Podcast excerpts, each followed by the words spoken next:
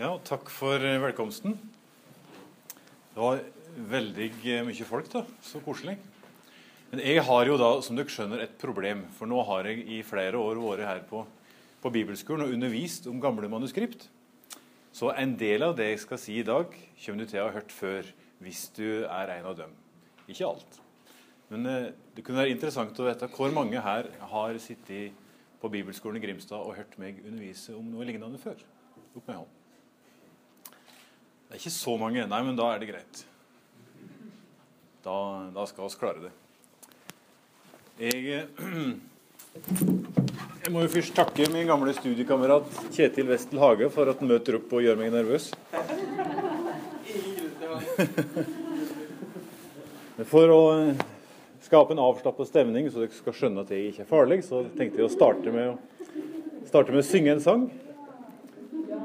Ja, og jeg, Det er den sangen jeg alltid starter med når jeg starter med en sang. Som er sangen 'It's impossible to sing and play the bass'. Det er umulig å synge og spille bass.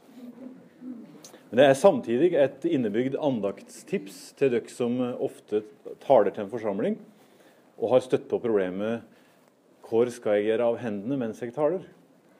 Eh, du vet ikke om du skal ha dem i lomma eller på ryggen eller ned langs sida. Hvis du har en kontrabass, så slipper du å lure på det. Eh, denne sangen har ingenting med dagens tema å gjøre, så det er bare en sang for å si hei.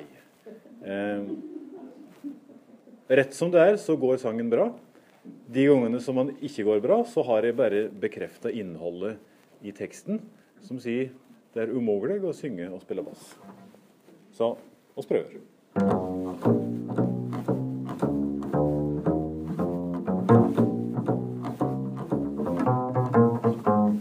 Det er én ting jeg må si dykk nå før vi starter.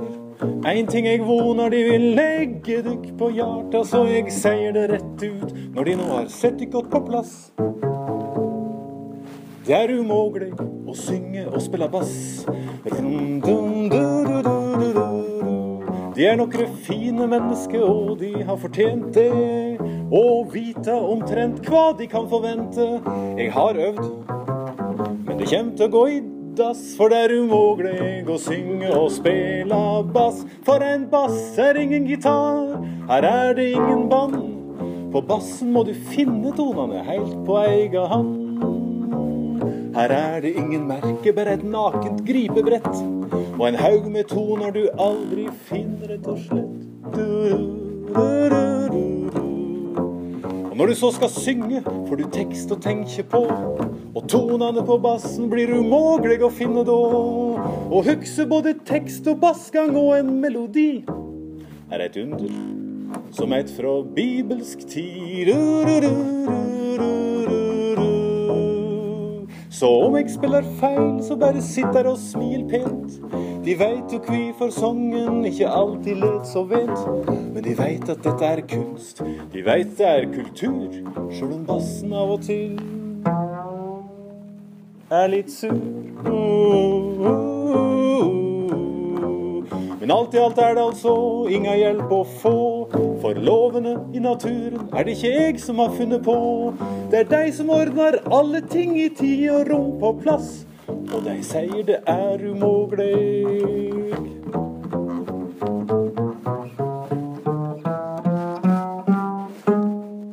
Å synge og spille bass.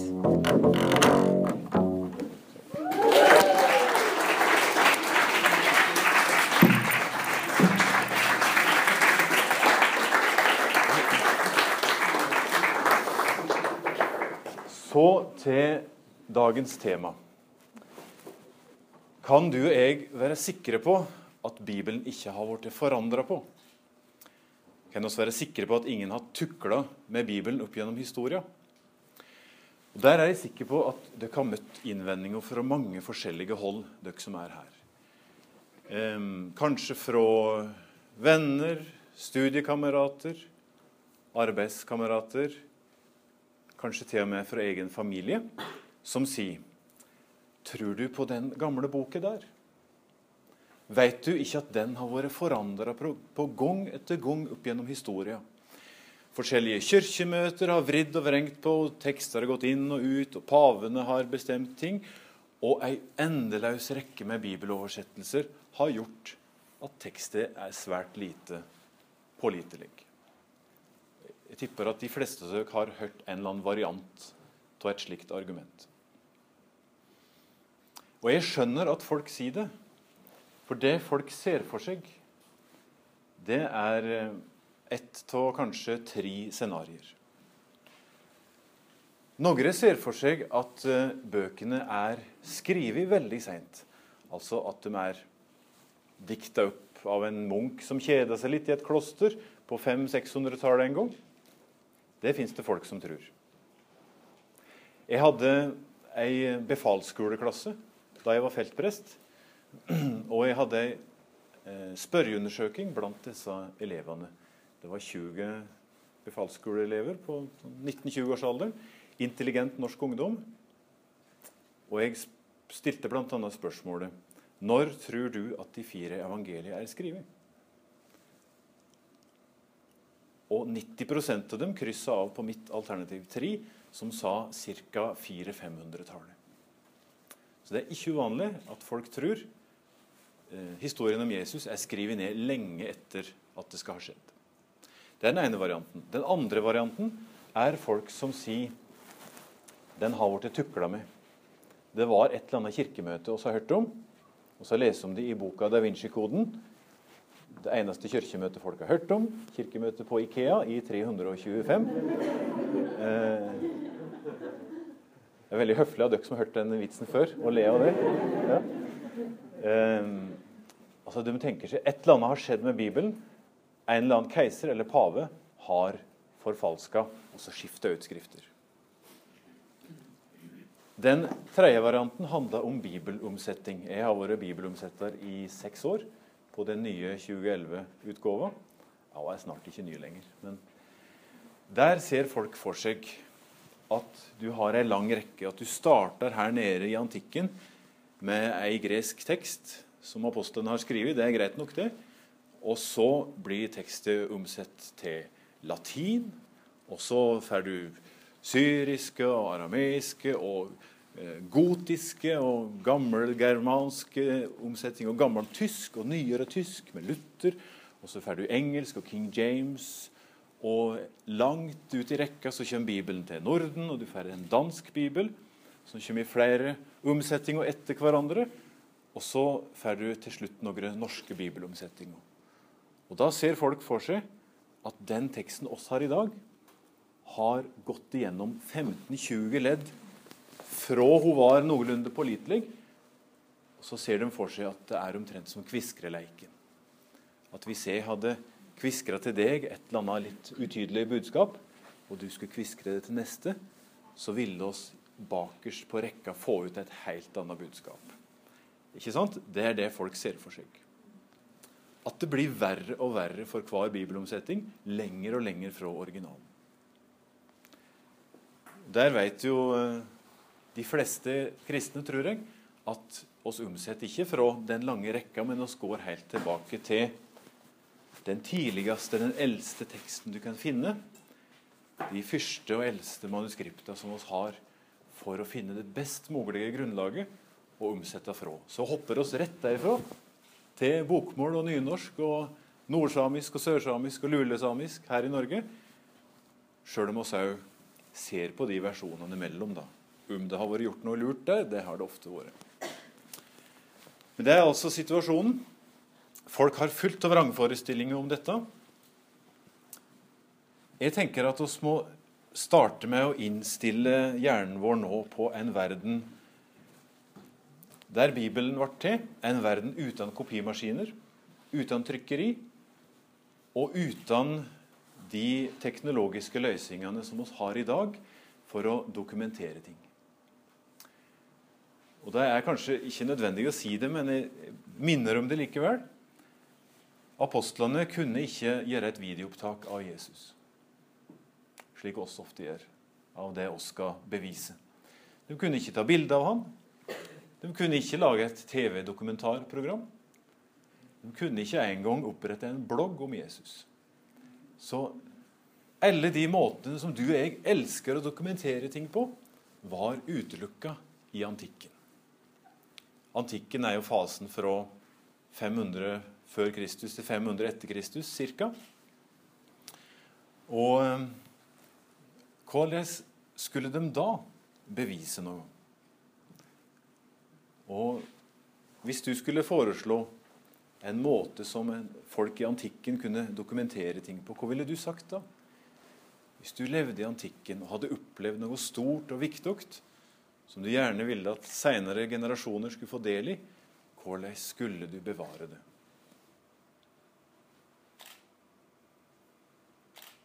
Ja. Skrive det ned. Bra. Du skulle skrive det ned. Og det å skrive ting ned hadde en helt annen status i antikken enn i dag. Når du ga det skriftlig form, da hadde du dokumentert det. Da var det ordentlig. Dere tenker kanskje, Siden jeg sier dette her, og jeg er fra Det norske bibelselskap og har bibeloversetter, så er det nå et bibelsk manuskript som står på skjermen. Det er det ikke. Det er eh, verdens første bevarte sjølmelding, eller selvangivelse. Fra Egypt, ca. år 34. Den fins eh, på Universitetet i Oslo, faktisk. Eh, der er det lista opp hva de hadde i et hus i Egypt eh, på Jesu tid. Det er mor i huset som fører lista og er ansvarlig for økonomien. Eh, ganske nøye utført, men hun slapp unna med å fylle ut sjølmelding hvert 14. år. Da er det altså skriftlig dokumentasjon, og så er ute etter. Så da må vi spørre hvor tidlige historier Finn oss den skriftlige dokumentasjonen om Jesus, slik at oss kan sammenligne. For Det er jo den beste måten å finne ut om Bibelen har vært tukla med. Det er å ta vår bibel fra 2011 og så sammenligne med en så gammel bibel som mulig, og sjekke er det stor forskjell. Har de tulla med teksten? Så Her er to sider eh, fra den samme teksten. Den ene bibelsida er nyere enn det andre. Jeg kan avsløre det. Og mange av dere vil nå klare å gjette hvem som helst. Ehm, det er ikke så vanskelig. Men kan dere gi meg nå, uten å rette opp hånda, men bare si noen helt åpenbare ting som gjør at du skjønner at den ene er nyere enn den andre? Hva er forskjellene? Fargen er forskjellig. Den ser eldre ut, ikke sant? Hva er dette her egentlig? Papyrus. Det ser du på at det er et rutemønster. Plantefiber som er lagt i to lag og så pressa sammen. Et grovt og stivt papir. Kjempebra å skrive på, i hvert fall etter datidas forhold. Her er et papyrusark du kan sende rundt og studere. Eh, jeg mener det skal være ekte. Den høye prisen indikerer det. Mens det aller, aller meste som blir solgt og gir seg ut for å være papyrus, det er egentlig bananblad. Og Du merker det på at det er mye sprøere. Det knekker når du bøyer det. Ja, Er det andre ting som er forskjellige her? Fonten, ja. Det vil si bokstavtypen. Det var et teknisk uttrykk. altså. Ja. Her er det dataprodusert font. Men hva slags fonter er det her? Det er håndskriving. Og det, det må vi liksom minne oss sjøl på. Å oh, ja, det er først på 1400-tallet at Gutenberg finner opp boktrykkerkunsten. Så alt som er før 1450, er håndskrevet. Skulle du ha 100 eksemplarer av ei bok før Gutenberg, så måtte en eller annen stakkar sitte og håndskrive. Og Det er slik bøker sprer seg før eh, utgangen av middelalderen. Forfatteren sender kanskje ut tre, fire, fem eksemplar. Og de som mottar disse eksemplarer, de skriver da et par eksemplar til for å dele med vennene sine eller med nabomenigheten. At uh, menigheten i Grimstad ville dele uh, sine skrifter med menigheten i Kristiansand og Arendal og Lillesand. Så skrev en av og masseproduserte ved avskrift for hånd. Ja, andre forskjeller? Nummerering. Nummerering, ja. Tenker på Pondus, der er det en stripe der Pondus klager under en foreldresamtale i skolen Hvorfor er tall, nei, hvorfor er det bokstaver i matteoppgavene til sønnen min? sier han. Så kan du snu det. Hvorfor er det tall i bibelteksten? Det er jo helt unaturlig. Det er hjelpemiddel som er satt inn eh, på 1500-tallet for å gjøre det lettere å finne fram. Før den tid, hvis du skulle si eh, 'Jeg har et favorittvers', så måtte du si Det står i Lukasevangeliet omtrent midt i. Bare slå opp og se. Det var ikke så lett. Ja, Nå har jeg sett mange forskjeller. En moderne bibeltekst har altså mange tillegg, men det er dette som er utgangspunktet. En veldig ren tekst. Det er til og med ikke mellomrom mellom ordet her. Så den som skulle lese denne, måtte øve. Dette er utgangspunktet. Og det er en slik tekst så tidlig som mulig også gjerne vil legge ved sida av en moderne for å finne ut er Bibelen forandra. Har de klussa med Bibelen vår? Så Da tar vi oss en reise tilbake i tid og ser på gamle manuskript og ser hvor langt tilbake det går an å komme. Det er tema for boka mi òg, det store puslespillet. Hvor langt tilbake i tid går det an å komme og finne gamle manuskript. Og Det aller meste er funnet i dette området, i middelhavsområdet. Her har dere et kart over Romerriket ca. år 300. Da var det omkring 10% kristne i Romerriket så tidlig.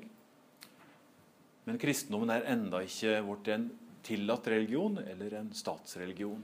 Tvert imot så raser det harde forfølginger mot de kristne like etter år 300 under keiser Diokletian. Sterk forfølging fra 303 til 313. Da kommer den første kristne keiser, Konstantin, og gjør plutselig kristendommen til en lovlig religion. Der det er skraverte felt, ser vi at der er det mange kristne. Der det er en prikk, vet en at det var ei kristen kirke. Og Da er det mange kristne i de områdene oss venter det. Israel, Syria, der Paulus for i dagens Tyrkia, Hellas, Italia. Men også langt oppover det europeiske kontinentet, helt opp til de britiske øyene, er det kristne. Og i Nord-Afrika, ikke minst i Egypt og i Nildalen. Her er det aller eldste funnet, det som er skrevet på papyrus. Fra 300-tallet så begynte en å bruke et mer robust skrivemateriale som var mer holdbart. Det er pergament. Denne pergamentbiten det er altså bearbeida dyreskinn den er ikke spesielt fin. Den ville knapt blitt godkjent i antikken. Men den er tross alt kjøpt på en suvenirshop i Pergamon, byen som var kjent for å framstille pergament. Dagens Bergama i, i Tyrkia. Det kan dere kjenne litt på. Det er litt mer Det tåler fukt bedre enn en papyrus. Men over hele dette området så sprer da bøkene til de kristne seg. Når de kristne reiser, og det gjorde de mye Folk i antikken reiste mye. Da hadde de bøkene med seg. Og de kristne var så kjent for å støtte drasse på ei bok at de ble kalla for bokens folk. Bøkene var viktige for dem. Så først papyrusbøker, og så pergamentbøker fra 300-tallet. Da er det altså i dette området vi finner det aller eldste. Jeg skal si litt om fordelingen av manuskripter. Jeg kan si som så, jeg aner, jeg aner ikke hvor mange manuskript som oss har i dag til Det nye testamentet. Håndskrivende manuskript. Men i 2012 var det i hvert fall 5824. Det bruker å øke med en 30-40 i året. Ja, 2030.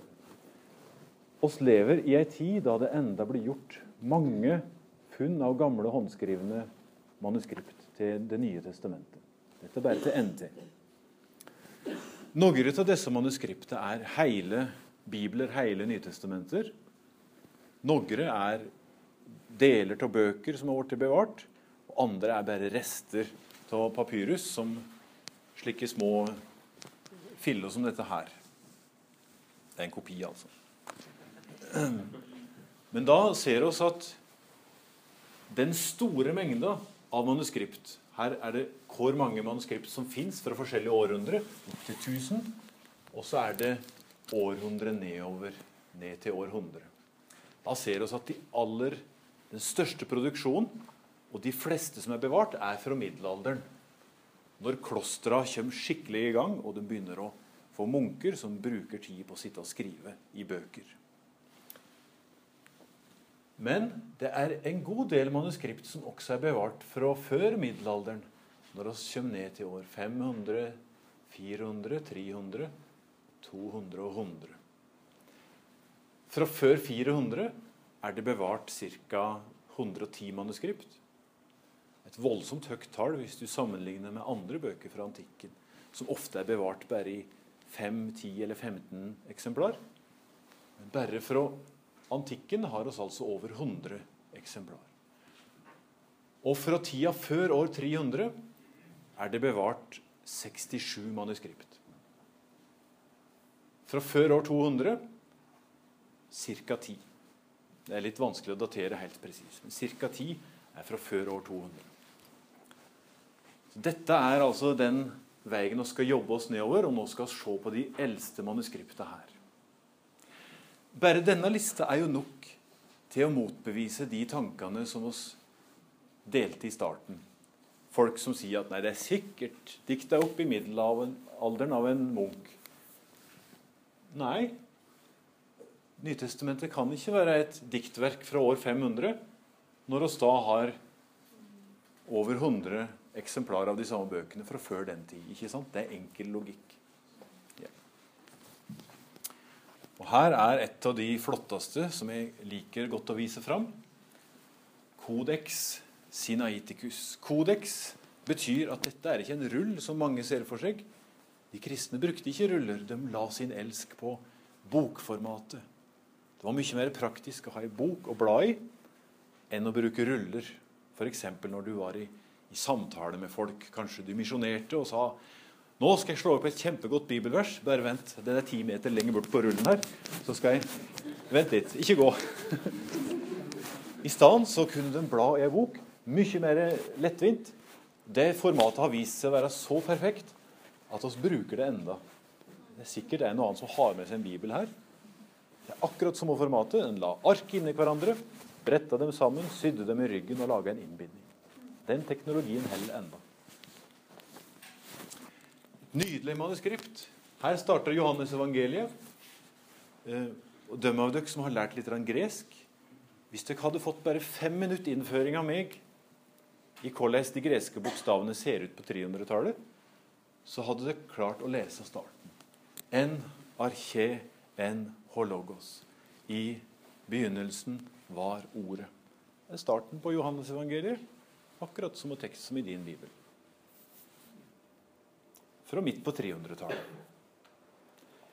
Jeg syns det er følelsesmessig litt gripende å se disse gamle biblene. Plutselig så skjønner jeg at de bibelversene som jeg stanser ved i dag, det har kristne stansa ved for 1700 år siden.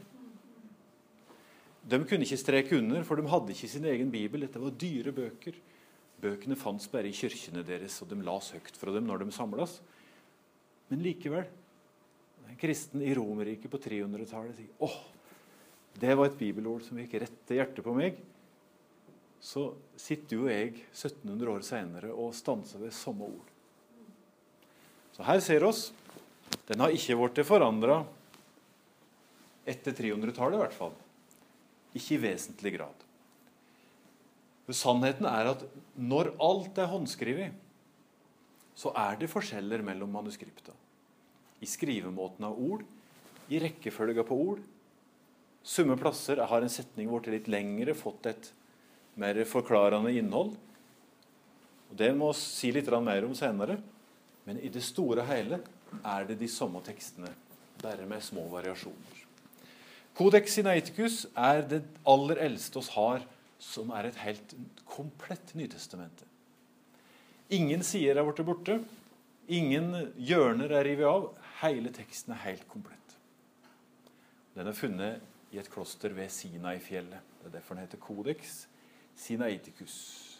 Og Hadde jeg hatt en femmer, så skulle du fått den, du som kunne gjette hvor dette manuskriptet ble oppbevart. Codex Vaticanus. Bra. Det er i Vatikanbiblioteket. Der har det vært i hvert fall siden 1400-tallet. Det er datert til å være håndskrevet enda litt tidligere enn Codex Sinaiticus. Nydelig håndskrift her òg, på pergament, det som var ny teknologi på 300-tallet. Og her Jeg tok med Johannes evangeliet her òg, så du kan sammenligne. I begynnelsen var Ordet, osv. Samme tekst som vi kjenner i dag. Codex Vaticanus er kjent for å være ekstra nøyaktig. Det er lite skrivefeil her, sammenlignet med Codex Sinaiticus. Dette er altså så langt som vitenskapen var kommet ved utgangen av 1800-tallet. I løpet av 1800-tallet hadde forskerne funnet og blitt klar over både Codex Sinaiticus og Codex Vaticanus og en del andre manuskript fra 300- og 400-tallet.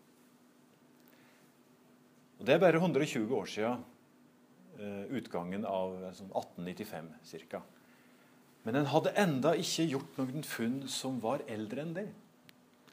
En hadde ingen manuskript fra 200-tallet å sammenligne med for å se er Bibelen forandra da. Er det samme tekster da som nå?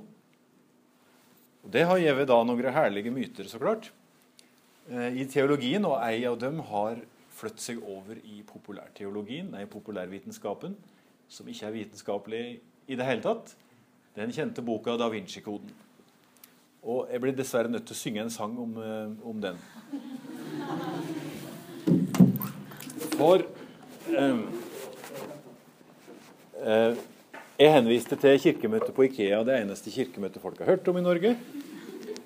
Det kommer av at de har lest om det bare én plass, og det er i Da Vinci-koden. Den kristne kirke har helt svikta når det gjelder å lære folk kirkehistorie. Alle burde jo vite at kirkemøtet i Nikea i 325 handla absolutt ikke om hvilke bøker som skulle være med i Bibelen. Det spørsmålet var ikke oppe i det hele tatt. De vedtok når på året det skulle feires påske, som skulle være første søndag etter første fullmåne etter, etter vårrengjøring. Og det, slik står det seg enda. Men Og så tok de opp spørsmålet hvordan er det å forstå at Jesus er sann Gud og sant menneske? Og Referatet fra møtet fins og blir lest høyt i norske kirker til jul og påske og pinse og heter Den nikenske trosbekjennelse. Vi tror på én Gud, osv. Mens en, en, av hovedpersonene i Da Vinci-koden påstår at den første kristne keiser, keiser Konstantin, brukte kirkemøtet i Nikea til å forandre Bibelen. Dette har fullt av nordmenn lese, og de er sikre på at det er sant. Jeg klandrer dem ikke for det, for de har aldri hørt et annet alternativ. Påstanden er uhyrlig, men hvis den er sann, så er vår bibel en forfalskning. Konstantin, altså den første kristne keiser i Romerriket, bestilte og bekostet en ny bibel der man utelot de evangeliene som omtalte Kristi menneskelige trekk, og forherliget de evangeliene som omtalte ham som guddommelig. De tidligere evangeliene ble forbudt, samlet inn og brent. Nå er det jo helt usannsynlig at en keiser skal ha fått samla inn alt som fantes av eksemplar av evangelier fra hele Romerriket når det hadde spredd seg over et så stort geografisk område. Det er nå så. Men kan det stemme at han har bytta ut alle evangelia på kirkemøtet i Ikea? Altså at Markus, Matteus, Lukas og Johannes først kom inn i Bibelen i 325. Det er jo det han påstår. Og at det egentlig var fire andre evangelier som sto der. Og Da tenker han tydeligvis på apokryfe skrifter som er skrevet mye seinere. Thomas' evangeliet, Maria Magdalenas evangelium, Philips evangeliet, Judas evangeliet og sånt. Som jo ikke er skrevet av disse personene i det hele tatt, men er apokryfe skrifter. For 120 år siden kunne ikke dette motbevises. I dag kan det det. Men da må dere prøve å leve dere inn i et døsig kirkemøte. Og prøve å tenke Hvordan skulle det ha skjedd hvis det var sant? At keiseren fikk 300 biskoper med på å bytte ut halve Nytestamentet ved et benkeforslag. Jo, da må det ha skjedd rett før lunsj. Når de ikke fulgte helt med. Fasiten kommer litt ut i sangen, men eh, tenk deg nå at du er på kirkemøte.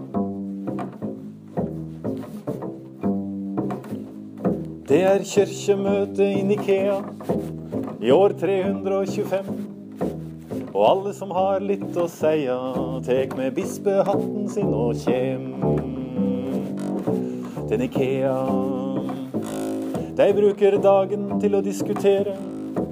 Stemninga er døsen og lat.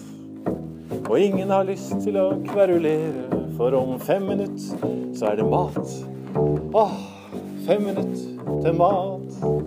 Mm, fem minutter til laks og eggerøre. Ingen vil kverulere. Og det er fem minutter igjen til mat.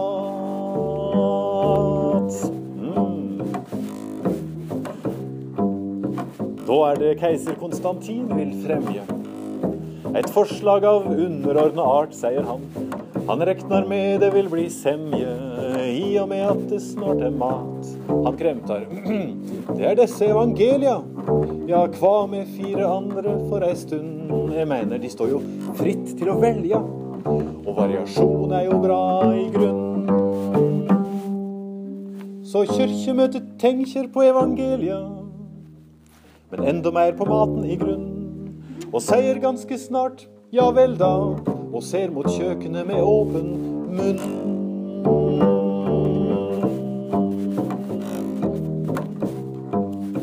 Dermed er det gjort et vedtak, og de prater så høflig rundt et overdådig bord, imedans sender keiseren soldater til øst og vest og sør og nord. De samler inn og brenner evangelia av Thomas, Maria Magdalena og to til. Ola Nordmann tror på dette og sier ja vel, ja, og syns ikke teorien er så vill. Så vill, hva skal en stakkar sie? Det står jo skrevet i ei ordentlig bok, med farger på omslag og greier, så hun verker jo på lite eller nok. Da Vinci-koden blir vi aldri lei av. Det står på side 259. At keiseren fikk bytte ut evangelia, det er det ganske sikkert noe i.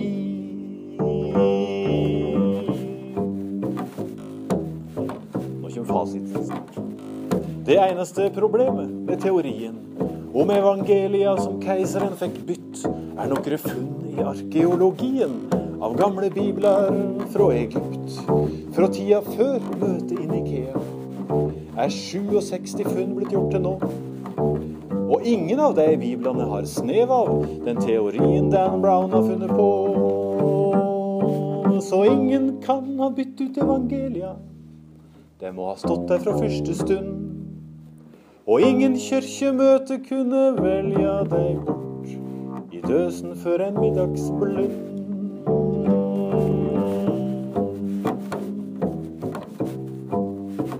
Så i stedet for å bytte ut evangelia, hva med å bytte ut Dan Browns i bok? Jeg mener, vi står jo fritt til å velge. Nå har vi lest Dan Brown lenge nok. Nå har vi lest Dan Brown lenge nok. Nå har vi lest Dan Brown lenge nok.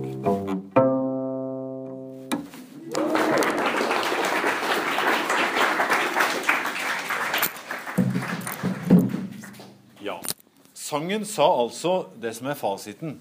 Nå går det an å sammenligne. Det går ikke an å si at en romersk keiser fikk bytte ut halve Nytestamentet nærmest ved et pennestrøk. For nå går det altså an å sammenligne. Og jeg kan jo sende rundt, for dette er en kopi av det manuskriptet jeg skal vise nå. Det heter Papyrus 45. Jeg kunne slutte foredraget etter å ha vist det. Det er grunn nok til å motbevise påstanden om at eh, Bibelen har vært tukla med på 300-tallet. Dette er et håndskrevet eksemplar av et Nytestamente fra 200-tallet. 75 år minst før kirkemøtet i Nikea, funnet i Egypt i 1930. Det har ligget som en slags backup i sanden i Egypt til 1930. Og Gud tenkte nei, det kan ligge litt til. Litt til. Ja, nå trenger de det. Og så finner de det. Det er jo sånn det skjer. Det er på, I vår tid oss trenger disse dokumentene. Nå dukker de opp. Her er det da gresk håndskrift, som vi vet, og vi ser at det er papyrus, ikke pergament. Det er fra 200-tallet. På grunnlag av slengen på bokstavene så vet en at dette er 200-talls håndskrift. Her står det kjente greske ordet som du kjenner veldig godt, ego. Hva tror du det betyr? Det er første person, flert, første person entall. Eg. Ta vekk en bokstav, så har du nynorsken. Eg. Der står det 'Eg er den gode hyrdingen'. Jeg er den gode hyrde. Det er fra Johannes 10. Det var ikke bare dette arket. 30 ark av ei bok som hadde vært på over 220 sider, viser restene av sidetall på noen av sidene. 30 ark bevart av ei stor evangeliebok. Blant de 30 arket så fant jeg noen ark fra Matteus, Lukas, Johannes Matteus, Markus, Lukas, Johannes og apostelgjerningene. Her finner oss halve Nytestamentet i bokform. Som skriftsamling, ikke bare som enkeltstående skrifter, men som samling. Og forskerne kan nå studere det og si er det andre evangelier som står her enn etter kirkemøtet i Nikea? Nei, så klart er det ikke det. Det er de samme fire. Og Slik er det med alle funn. Der et funn er stort nok til at det inneholder flere evangelier, så finner du aldri tre evangelier, aldri fem evangelier, aldri to av dem oss kjenner, og to apokryfe.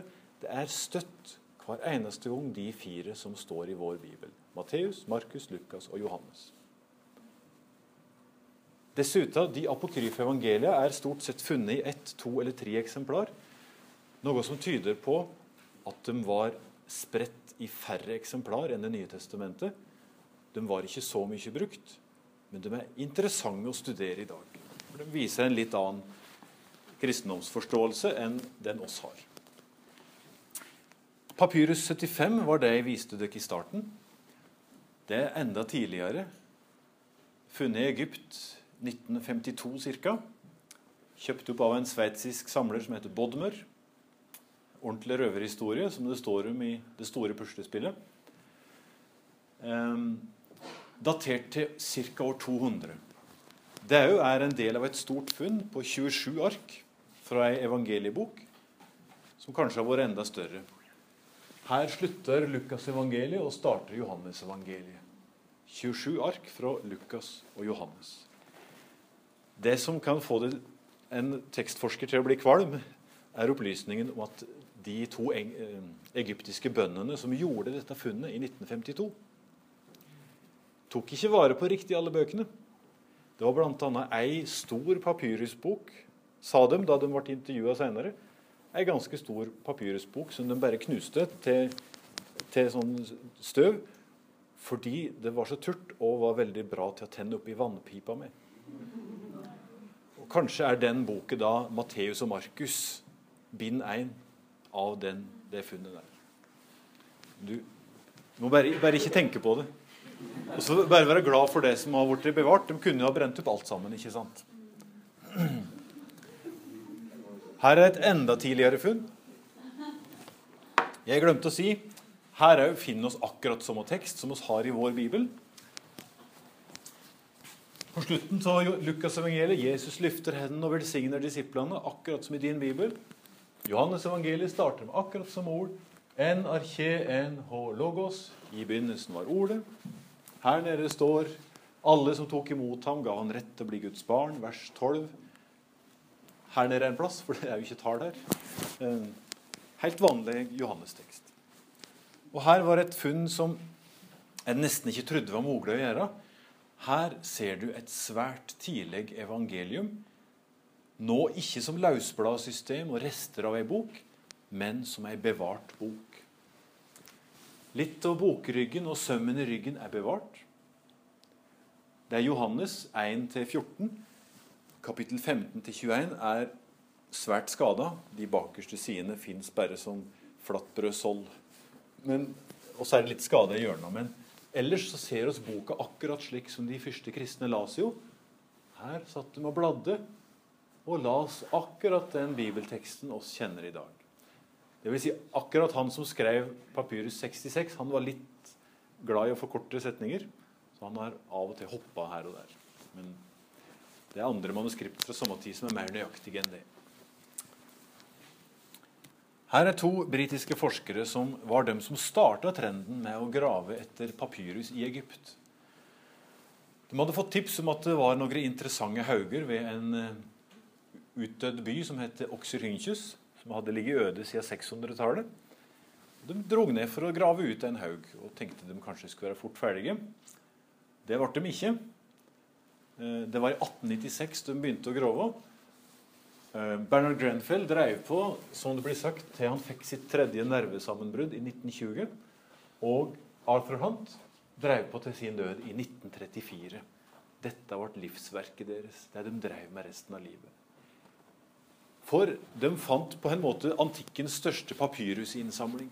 Store hauger med gammelt, brukt papyrus som lå samla i utkanten av byen, og som var blitt dekt med sand og lå som en helt forsegla historiebok fra antikken. Der er det funnet faktisk omkring en halv million papyrusmanuskript. Og rundt 60 av dem er fra nytestamentlige bøker, så det var tydeligvis kristne i byen. Jeg må bare be dere legge merke til hvor heldige jeg var da jeg tegna dem. Jeg tegna dem i 2007 til et lite hefte som heter P52. Eh, men for et par år siden kom jeg over et bilde av dem. Og da viste det seg at jeg, jeg var litt heldig, altså. Er ikke det bra? Jeg blir ikke, ikke lei av dette, altså. Her er da en av eh, de lappene som er funnet i området ved Oxyrhynchus. Nå skal vi ta en rask gjennomgang av hvordan en tekstforsker arbeider med å tyde et sånt manuskript. Dette er altså en kopi i dobbel størrelse. Dette manuskriptet som vi skal kikke på nå, er i dette formatet her ca. 9 ganger 6 cm. En liten rest som lå igjen i ei restekasse på et museum i Manchester som eh, Bernard Grenfell og Arthur Hunt hadde etterlatt seg. Og etter at Hunt var død, så var det en forsker som het Colin Roberts, som fikk i oppgave, å gå gjennom dette her eh, småplukket som lå igjen, med papyrus som ingen hadde tyda, og ingen visste hvor gammelt det var. Gravd fram fra disse haugene. Og han eh, klarte å lese både på framsida og baksida av arket. Og han så at det var greske bokstaver, gamle, Eh, du kan mer gresk enn du er klar over. Du kjenner den bokstaven der, f.eks. Pi. Den greske bokstaven P. Den er der òg. Eh, men for å hjelpe dere med å lese det som Colin Roberts las, så har jeg laga en rekonstruksjon på norsk som er omtrent riktig. Det er vanskelig å liksom få akkurat til å dele akkurat i den bokstaven, og slik, men dette gjengir omtrent det Colin Roberts så da han så på den lappen. Og Da legger vi oss merke til et par helt åpenbare problem. Det første er at oss har bare et lite utsnitt av arket. Her har det vært tekst på begge sider av et mye større ark. Hvor stort var det? Det skal vi finne ut. Og så er det ikke mellomrom mellom ordet, og det er bare store bokstaver. Så det er ikke så lett å lese. Ingen tegnsetting. Men jeg er sikker på at dere likevel klarer å skille ut noen bokstaver. Og dere som har, har vært gjennom denne øvelsen før, eh, ta det som en repetisjon. Eh, dere trenger ikke rette opp hånda. Ta noen helt opplagte ting som dere ser her. Ga til kjenne. Og så regner jeg med det er en E der. Det må det nesten ha vært. Ga til kjenne. Andre ting? Oppfylt. Det ser veldig greit ut. Det er også veldig greit. Oppfylt som. Ja, det kan være sommer, ikke sant? Eller sannsynligvis pronomenet som. De første linjene.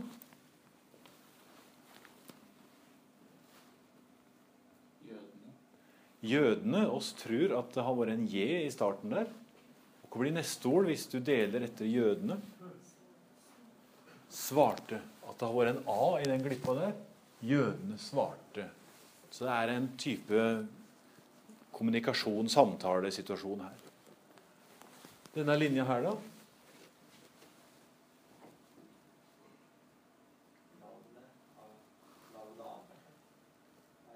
Navnet? Skal vi se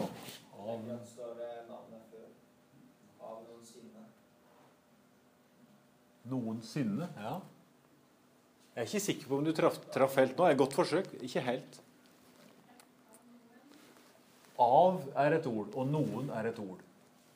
Og vet kan være ordet 'vet', men det kan være slutten på et ord også, f.eks. 'livet'. Skrevet av noen kan det også være. Da må dere Men jeg kan avsløre at det er livet av noen. Klarer dere nå å finne ut hvor teksten er fra? Her har oss et lite utsnitt. Jødene svarte, så er teksten borte. Livet av noen, teksten borte. Oppfylt som, teksten borte. Ga til kjenne. Og så er det ordet 'lide' her.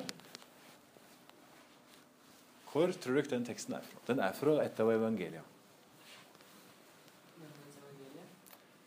Det er fra Johannes-evangeliet. Er det fra starten eller slutten, tror dere? Slutten? Ja. Nærmere bestemt.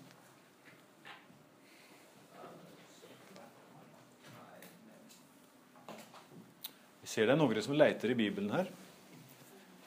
Du kunne også gått inn på bibelen.no på smarttelefonen din og tasta inn disse ordene her og fått opp hva til tekst det var. Men det ville jo være juks. Og det er en mulighet som Colin Roberts ikke hadde i 1934. Men ordet 'lide' er et godt stikkord her. Det er fra lidelseshistorien. Det er fra Johannes kapittel 18, fra forhøret for Du visste det? Du visste det? Ja, flott. Nei, det tror jeg ikke. Det tror jeg faktisk ikke. Her har jeg prøvd å rekonstruere det som må ha stått på resten av arket. Det som står her, er jo helt vanlig Johannes evangelietekst. Det er ingen forskjeller på den teksten og den teksten du har i din bibel, Johannes 18. Helt standard. Også hvis du viser den på gresk, så er det helt standard. Det som er interessant, det er at resten av Johannes-teksten passer så godt inn. Hvis ei av linjene plutselig ble mye lengre enn de andre når du fylte ut resten, eller mye kortere, så ville du hatt mistanke om at her må det ha vært tukla med teksten. At det var en annen tekst på denne tida enn i vår tid. Men den passer inn. Og dere kan jo bli med og lese den teksten i kor. Og øve dere på å lese som de gjorde i antikken. Lese høyt og dele riktig mellom ordet. Vær så god. Men jødene svarte, vi har ikke rett til å ta livet av noen. Slik skulle det ordet bli oppfylt som Jesus hadde sagt da han ga til kjenne hva slags død han skulle lide. Pilatus gikk da inn i borgen igjen, kalte Jesus til seg og sa, Er du jødenes konge? Jesus svarte ham. Og så hopper teksten fire vers til Hun begynner på baksida. Så det må være plass til fire vers med tekst nedenfor her. Altså kan en beregne seg fram til at med 31-33 bokstaver per linje, så må det ha vært et dokument med 18 linjer per side for å få plass til den teksten. Og plutselig trer liksom hele manuskriptet fram for oss. Så stort var et ark. Så mange bokstaver var det på hver side. Da kan du også beregne hvor mange sider dokumentet var på, for å ha den sidestørrelsen overalt. Ca. 130 sider. Og ut fra en slik liten lapp så kan du da gjøre slutninger om hele manuskriptet. Ikke minst så vil jeg si at når teksten på selve manuskriptet passer helt, og er helt vanlig Johannes-evangelietekst, og resten av den kjente Johannes-teksten ser ut til å passe bra inn, da er det sannsynlig at resten av manuskriptet òg har hatt vanlig Johannes-tekst. Og Dette bruker jeg å kalle for sjokoladepuddingmetoden. En anerkjent vitenskapelig metode som mange, mange har prøvd. Som går ut på at hvis du har en stor bolle med sjokoladepudding Dette er ingenting å le av, for du, dette gjør du stadig. Hvis du skal fastslå at det er en god sjokoladepudding, så er du ikke nødt til å ete hele bollen. Ikke sant? Jeg var sikker på at hele sjokoladepuddingen er god, så jeg et hele. ikke sant? Det er ikke nødvendig. Du stoler på at den ene skeia du har smakt på, det var en god sjokoladepudding. At kvaliteten i resten av bollen er like høy som akkurat der du tok. ikke sant? Det er slik et sånt manuskriptfunn fungerer. Så her har vi et funn, svært tidlig funn, som indikerer at her er teksten også uforandra. Her møter oss også en tekst det ikke har vært tulla med. Fra svært tidlig i historien. Men hvor tidlig? Og Da arbeider forskere med å sammenligne med andre dokumenter som en veit alderen på. Da kan en legge vår lapp ved sida av dette manuskriptet. Syns dere håndskriftet er lik på disse to? Nei. Hva er forskjellene? Den Nei, her er det noen mellomrom mellom ordet. Og så er det små bokstaver, og så ser det ut til å være papir eller pergament, ikke papyrus. Den er fra 900-tallet. Det er ikke fra 900-tallet. Hvis vi sammenligner med det jeg også har sett fra 300-tallet, så er det mer likt. Men det er ikke helt likt. Det er noe med de mye jevnere bokstavene her, lik høyde på dem. Her så stikker flere bokstaver nedenfor linja og slik. Så det er heller ikke fra 300-tallet. Her sammenligner oss med et manuskript fra ca. 150 etter Kristus. Ikke et bibelmanuskript, men et annet fra samme tid. Og Da ser vi at det begynner å bli mer likt. Dette er et av de manuskriptene som Colin Roberts og de andre sammenligner med i 1934 for å finne alderen på dette. Se på E-en som henger sammen med I-en gjennom midtstreken. Det samme har oss der. Det kan være et fellestrekk som tyder på at de er kanskje fra samme århundre. Eller dette manuskriptet her, som er datert til ca. 100 etter Kristus. Som kanskje ser enda likere ut. Her òg finner du dette med at at E-en henger sammen med neste bokstav gjennom midtstreken. Du har en delta, en D, som er formet som en trikant. Pien ser veldig lik ut. Du har en sånn omega-krusedull som er veldig lik eh, Hvor er den, da? Der, eller Ja. Så hele skriftbildet er veldig likt. R-en, som ser ut som en P, stikker nedenfor linja, akkurat som der. Så for å gjøre en lang historie kort På grunnlag av disse to manuskriptene her, fra 150 og 100, pluss noen andre som de sammenligna med, så ble vårt manuskript til venstre datert til ca. år 150. Andre forslag? 100, 125, 115. Dere har i grunnen rett alle sammen, for du må operere med slingringsmonn. Ca. 125 etter Kristus ble papyrus nummer 52 datert til, funnet i 1920, datert til 1934. Det betyr minst 25 års slingringsmonn begge veier. Så det er en rest av et Johannesevangelium som var i bruk en eller annen gang mellom 100 og 150 etter Kristus, langs med Nilen i Egypt, langt unna staden der Johannesevangeliet ble forfatta, som var i Efesos i Vesle-Asia, Tyrkia. Så på en liten generasjon så har da dette fra Johannes skrev sitt evangelium på 90-tallet, så har det spredd seg helt til sør for Middelhavet, til Egypt. Og oss finner det som et utslitt liten rest av ei bokside fra et evangelium datert til første halvdel av 100-tallet. Går det an å komme enda lenger tilbake? Det er noen forskere som prater om at de ser på noe som kanskje er et manuskript til Markus fra før år 100. Men det vil ikke jeg ta med i mitt foredrag. Eh, vent fem år, så ser vi om det er noe i det. Det er ikke mange forskere som har sett det manuskriptet ennå. Eh, og det kan godt hende at det, den endelige dateringen ikke blir så tidlig. Så dette er det tidligste vi har. Men det gir svar på mange av våre spørsmål. Kan eh, evangeliet ha vært dikta opp i middelalderen? Nei. Her er et evangelium en generasjon etter apostelen Johannes skrev. Kan evangeliet ha vært bytta ut av en keiser um, i år 325? Nei. Vi har over 100 slike funn av evangelier fra før den tid. Uh, Nytestamenter. Og tredje den har på en måte tilbakevist alt. At, at Bibelen blir forfalska og ødelagt og vrengt på gjennom en endeløs rekke med bibeloversettelser. For en, en, går jo tilbake til den eldste gresken en kan finne, og sammenligner disse manuskriptene fra 100-, 200-, 300- og 400-tallet for å finne den teksten som ser ut til å være mest opprinnelig. Spørsmål? Ja.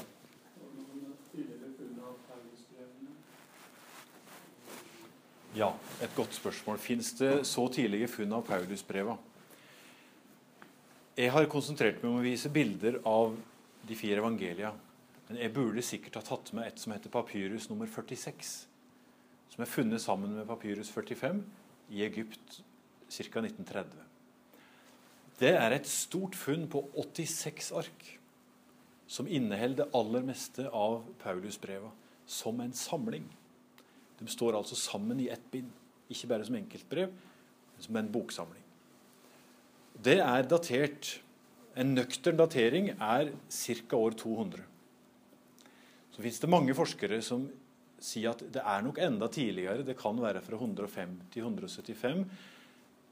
Men majoriteten, det som de fleste er enige om, er ca. år 200. Papyrus 46, Paulusbrevet. Det er en del skader, en del avsnitt som er ødelagt på disse arkene, og sånn, men et fantastisk funn. Andre spørsmål? Ja? Um, jeg har spørsmål om Gammeltestamentet. Uh, Mhm. Da er det en religionskritikk som går ut på det at uh, at israelsfolket skrev ned Gammeltestamentet i Babylon. At det er blitt påvirket av andre religioner. F.eks. statsreligionen i Babylon. Eller uh, at det òg er andre eh, religioner som har samme, uh, samme historie, på en måte. Om det er sånn som Gilgamesh, for. Ja. Det gamle testamentet er ikke jeg noe videre ekspert på.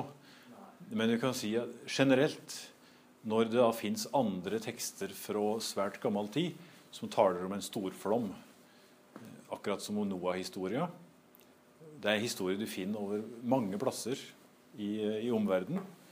Så er det en del forskere som sier at ha, det var det vi visste, det var en vandrehistorie. Det kan ikke stemme. Andre kan jo si at men viser ikke det at Noah-historie faktisk det kan være noe i den? At det er andre samtidige kilder som òg har opplevd at det ble flom. Så Det vil støtt være to måter å se slike ting på. Det jeg holder meg til, det er tekstfunna. Og Der er vi i en mye heldigere situasjon med Nytestamentet enn med Gamletestamentet. Men til Gamletestamentet så har funnet av dødehavsrullene betydd enormt mye. Fordi jødene hadde den skikken at de nærmest gravla de gamle skriftrullene som var utslitt. Så er det ikke så mye å finne av gamle hebraiske skriftruller. Så Helt fram til andre verdenskrig så var de tidligste skriftfunnene en hadde av Det gamle testamentet, som er skrevet sånn 1000 før Kristus og 500 før Kristus, de eldste manuskriptene hadde, var fra 1000 etter Kristus. Så han hadde en luke på 1500-2000 år med avskriftshistorie som en ikke hadde oversikt over. Men i 1946 så fant en da Dødehavsrullene, som har gitt oss det kikkehullet tilbake i tid. 1200 år lenger tilbake i tid. Til tekster som er avskrifter fra 200 før Kristus, 100 før Kristus. Da har forskerne hatt sjansen til å sammenligne. Er det stor forskjell på tekstene i Qumran, Dødehavsrullene, og dem vi finner i, i Codex Aleppo og Codex eh, Leningradensis, eh, som de heter, de eldste fra middelalderen, 1200 år senere. Og den best bevarte rullen er en fra profeten Jesaja, Der har en funnet ganske godt samsvar mellom tekstene. At ikke forskjellen er så stor. Selv om det fins forskjeller. Jeg tenkte at oss kunne bruke nå det siste kvarteret på en liten øvelse. Jeg har laga et eh, helt forskrekkelig ark her, altså. Jeg har satt opp to tekster ved sida av hverandre. Og ingen av dem er tull. Begge er svært vitenskapelige. Men de er litt grann forskjellige. I spalta til høyre Dette er fra Johannes 10. Det er en tekst der det fins mange gamle manuskript. Både Papyrus 45, Papyrus 66, Papyrus 75, de fra rundt år 200, overlapper hverandre her i kapittel 10 i Johannes evangeliet. Så det er en god stad å begynne. I spalta til høyre så står den vanlige bibelteksten du finner i Bibel 2011. I spalta til venstre så finner du en rablende, rabiat bibeltekst som jeg har skrudd sammen. For til Johannes-evangeliet så fins det minst et par tusen manuskript. Og blant disse manuskriptene så fins det tusenvis av forskjeller i skrivemåten. Og nå har jeg da tatt 24 forskjellige skrivevarianter som fins i manuskripta, og klemt dem inn på 16 vers her.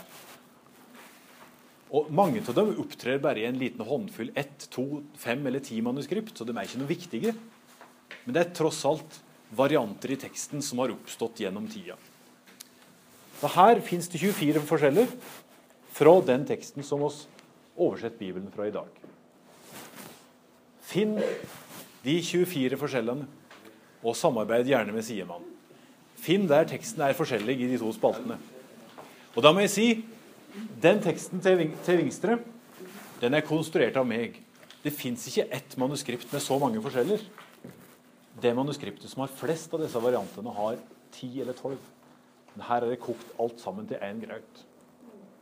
Skikkelig ille tekst. Finn de 24.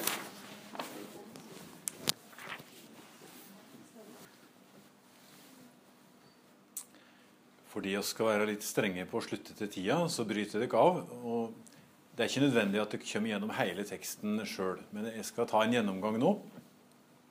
Dere har fått et bilde av hvordan forskjellene er. Dere vil jo finne at Kritikere av Det nye testamentet sier det er jo tusenvis av forskjeller mellom manuskripta. Her har vi 24 bare på 16 vers. Og ut ifra modellen med kviskereleiken, at ting forandrer seg ekstremt over tid Og oss her har å gjøre med 1400-1500 år med avskrift for hånd gjennom historia, og så mange feil, så burde du forvente at den teksten til venstre er komplett ugjenkjennelig og har et helt annet budskap enn den til høyre. Men Hvordan vil du vurdere den teksten som står til venstre, og hvordan vil du vurdere disse forskjellene? Er teksten helt ugjenkjennelig, eller har den samme budskap som den vi har i vår bibel? Syns det var veldig likt. Altså, det var bare litt små detaljer som var forskjellig. Innholdet var helt likt. Så langt jeg kom. Så langt du kom, så var det smådetaljer som var forskjellige, og du syns innholdet var likt. Andre som vil kommentere? Um, for eksempel på vers 5 så står det 'men en fremmed vil de ikke følge'. Mens på den riktige står det 'men en fremmed følger de ikke'. Ja. Det er jo litt tydelig. Det er en forskjell. Ja. Følger de ikke, eller vil de ikke følge? Men eh, likevel ikke liksom helt dramatisk forskjellig budskap, syns jeg, da. Jeg skal ta fram teksten på skjermen hvis eh, teknikken står meg bi her. Der, da. Det går jo bra. Her ser dere det er enkelte feil jeg har markert med gult. Og Det er fordi at de forskjellene er så små at jeg klarer ikke engang å gjengi dem på norsk. Det er noe med skrivemåten av ordet 'sauene'. Så egentlig er det 27 forskjeller i stand for 24. Men f.eks. den som ikke går til sauene, eller går inn til sauene. Altså Nogre manuskript har en kortere uttrykksmåte der. Det er en forskjell. Den, nei, han er gjeteren til sauene, til forskjell fra eh, er gjeter for sauene. Du har altså gjeteren i bestemt form, og så har du et betont pronomen som ikke er med der. Men han er gjeteren til sauene, eller er gjeter for sauene, er jo ingen stor forskjell. Så har du forskjellen roper på sine egne sauer og kaller sine egne sauer ved navn. Det er ikke en stor forskjell, det heller. Det er, det er en forskjell, men ikke dramatisk. Skal vi se Ta noen flere forskjeller nedover her, da. Her, den største forskjellen er her. De aller fleste manuskripter har 'Jeg er porten inn til sauene'. Så er det to manuskript som har 'Jeg er hyrden til sauene'. Det er stor forskjell. Det er antagelig en trøtt avskriver som har sittet der. Det handler jo om en hyrde i dette avsnittet her. Og så har han tenkt hyrde der det har stått porten. Men det er to ord som begge ligner litt på hverandre når du ser det. Så er det her 'den derimot er leiekar'. Eh, setter livet til, gir livet sitt. Det er omtrent det samme. Og så er det en stor forskjell litt lenger ned òg.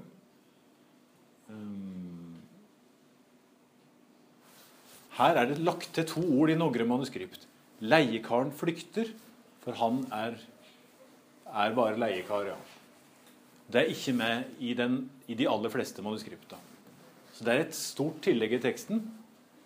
Likevel, det gjentar jo bare det som står i verset før. At han forlater dem og flykter. Så det er liksom en språklig variant. Det er gjentatt for å kanskje få mer flyt i setningen. Leiekar flykter, for han er bare og Her er jo en, en forskjellig skrivemåten av et ord som vi ikke klarer å få fram. Mine kjenner meg, sier Jesus. I noen manuskript så står det i passiv 'Jeg er kjent av mine'. Dette har jeg lyst til å vise dere for å si Sjøl i en bibeltekst der kritikere vil si at det vrimler jo av varianter i manuskriptet, Noe som er forståelig i og med at det er håndskrift gjennom 1500 år. Sjøl i en slik tekst så er hovedinnholdet intakt. Det er få forskjeller som har noe å si for innholdet, etter mitt skjønn. Nå skal jeg vise dere hva elevene her på bibelskolen i Grimstad gjorde for ei uke siden, på fredag. Jeg tror jeg bare fikk notert ned noen av de forskjellene de hadde. Men det gjentar seg hver gang jeg ber dem sjøl om å lage en avskrift. Da tok jeg et ark og sa til elevene spre dette rundt. Og alle måtte skrive en avskrift. Så fikk første, andre, tredje, fjerde, femte, sjette generasjon av samme dokumentet som Det var en sånn miniatyr avskriftsmiljø her i klasserommet. Se her hvor mange ting som er farga her. Dette er resultatet, samtlige skrivefeil i flere tusen manuskript, gjennom 1500 år med avskriftshistorie. Så skal dere se hva norsk ungdom gjorde på én time Nei, Dette her var faktisk ikke for Grimstad. Dette her var en gruppe med forkynnere i Misjonssambandet, tror jeg, som uh, gjorde dette her. På én time med avskrift. Det ble mye roligere.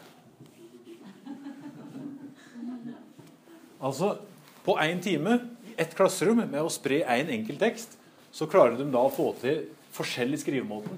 På én, to, tre, fire, fem, seks, sju, åtte, ni, ti Elleve plasser, og enda er de bare halvveis i teksten. Her òg er teksten fullt forståelig, bortsett fra noen som skrev Gallia i stedet for Nei, Galilea i stedet for Gallia en plass. Det var kanskje lenger ned. Men det viser oss for det første det er vanskelig å skrive av helt riktig. Og Det nivået av avskriftsvarianter som oss har i Det nye testamentet, det er veldig mange, men de har veldig lite å si. Og de har egentlig vært utrolig nøyaktige med tanke på at dette har de drevet på gjennom ett og et halvt årtusen. Så for da å gi et svar på tittelen på seminaret Er Bibelen forandra? Tja, oss finner en dynamisk levende bibeltekst som er håndskrevet, overlevert fra menneske til menneske, men med veldig små forskjeller i overleveringen. Og den er ingen forfalskning. Bøker er ikke skifta ut. Oss finner samme bibeltekst. PC-en min påstår at jeg skal ha foredrag i Grimstad omtrent nå. Det, ja, stemmer. Mm. Det var det. Du har helt rett. Jeg skal ha seminar om en, eh, en times tid. Så svaret er er Bibelen forandra? Nei, i hovedsak ikke. Er den godt bevart? Ja. Er den blitt klussa med? Nei, det har den i hvert fall ikke. De forskjellene som fins, er helt naturlig har oppstått fordi det er levende mennesker av kjøtt og blod, som du og jeg, som har overlevert tekstene gjennom historien. Og jeg takker Gud for disse menneskene som var trufaste gjennom forfølgingene i Romerriket. Det var farlig å ha bibelbøker under Diokletians forfølgelse. Men Noen kristne tok sjansen på å gjemme bøkene. Noen bøker slapp unna. Så oss i dag har fått gravd fram en backup fra antikken som viser oss hvordan en bibeltekst så ut på 300-tallet, 200-tallet, til og med helt ned til første halvdel av 100-tallet. Håper dere har skjønt hva jeg mener, at dere ikke er i tvil om hva mitt svar er. Takk for at dere var med på seminar, og eh, takk for at dere lytta så interessert.